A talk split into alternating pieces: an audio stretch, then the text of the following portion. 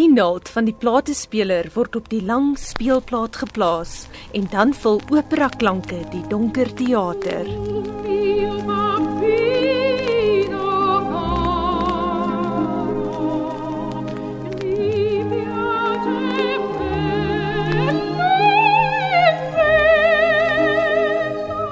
Beeld beweeg nader vanaf 'n houtskoolskets van 'n landelike huisie deur die venster na die skadu van die vrou wat die plaat opgesit het.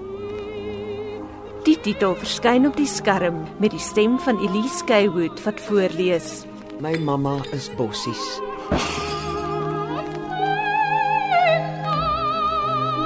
Uit haar een oog huil sy Puccini. Uit die ander oog betug sy my. Dit is die Jean Gosen gedig wat deur Naomi van die kerk geanimeer is vir die ATKV se filmverse 2. My mamma is bossies.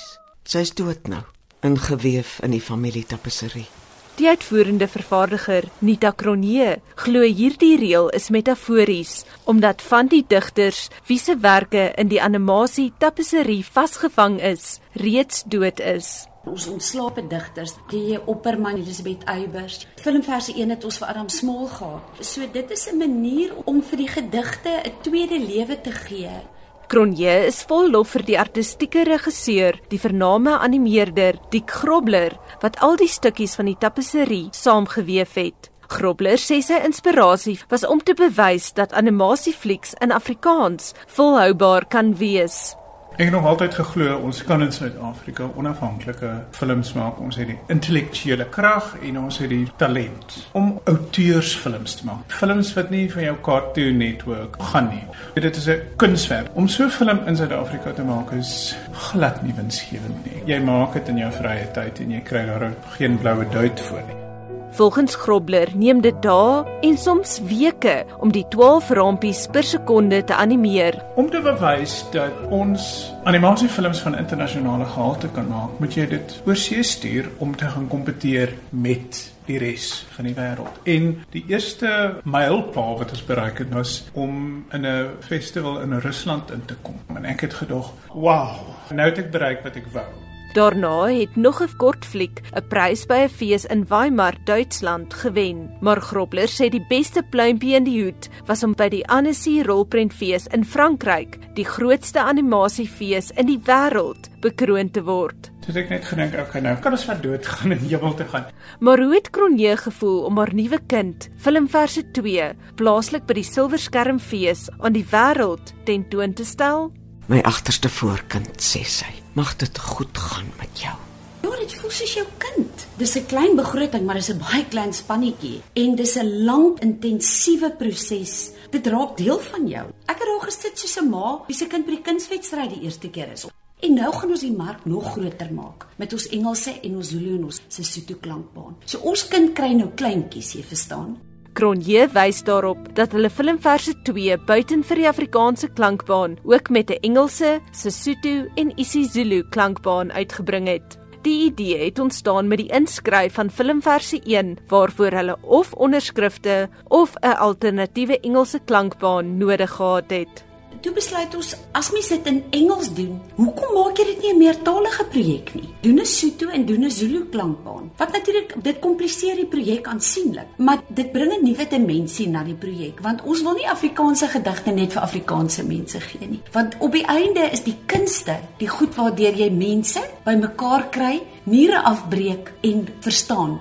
Grobler sê die klanke wat in poesie vasgevang word, skep ook uitdagings in die vertaalproses. Een so Turkswy was die gedig Peron van Andries Besuidenhout wat bestaan uit klankgeluide wat bo op mekaar gestapel word soos trommel, rammel en skommel. Want in Sesotho die eerste woordjie was baie lank. In Afrikaans is ook 'n kort woordjie. Dit is so visueel net om die woordjie op die skerm te manipuleer. Hy het 'n groot plek vol gestaan. So net om die woord te vertaal te kry, moes ek baie met die vertaler kommunikeer en so ook die geelwalvis van Nyventrandral wat in Kaapse Afrikaans geskryf is, het hy die Zulu vertaling in Johannesburg Zulu slang gedoen om daai informele element van die Kaapse Afrikaans te probeer vasvang.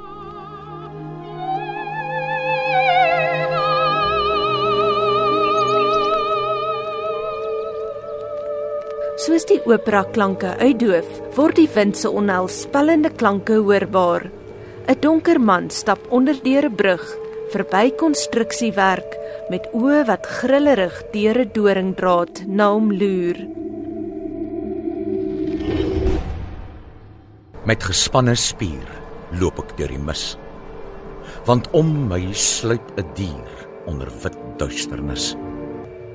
'n Gehoorlid, Berdien Burger, sê daar het rillings by haar ruggraat afgegly om meer as een rede om te sit en kyk na die films is 'n diep emosionele ervaring. Mense se toegang tot digkuns is baie beperk. Ons kom nie meer by bundels uit nie. So ek dink om dit te visualiseer in 'n animasiekunsvorm maak dit accessible. Die digter Nathan Trantral stem saam. Wat my excited maak is dat daar mense is wat in hierdie rigting dink. Vir baie lank tyd was poesie soort van 'n toeboek en nou kan jy mense dit oopmaak vir ander mense om te geniet. Ja. Maar hoe voel jy om jou eie gedig op die groot skerm te sien? Ronelda Kamfer. Ek is altyd verbaas as 'n kunstenaar my werk interpreteer en kan om my van die kerk se geval, is dit nice om te sien hoe goed hulle die woorde verstaan en die gedigte verstaan.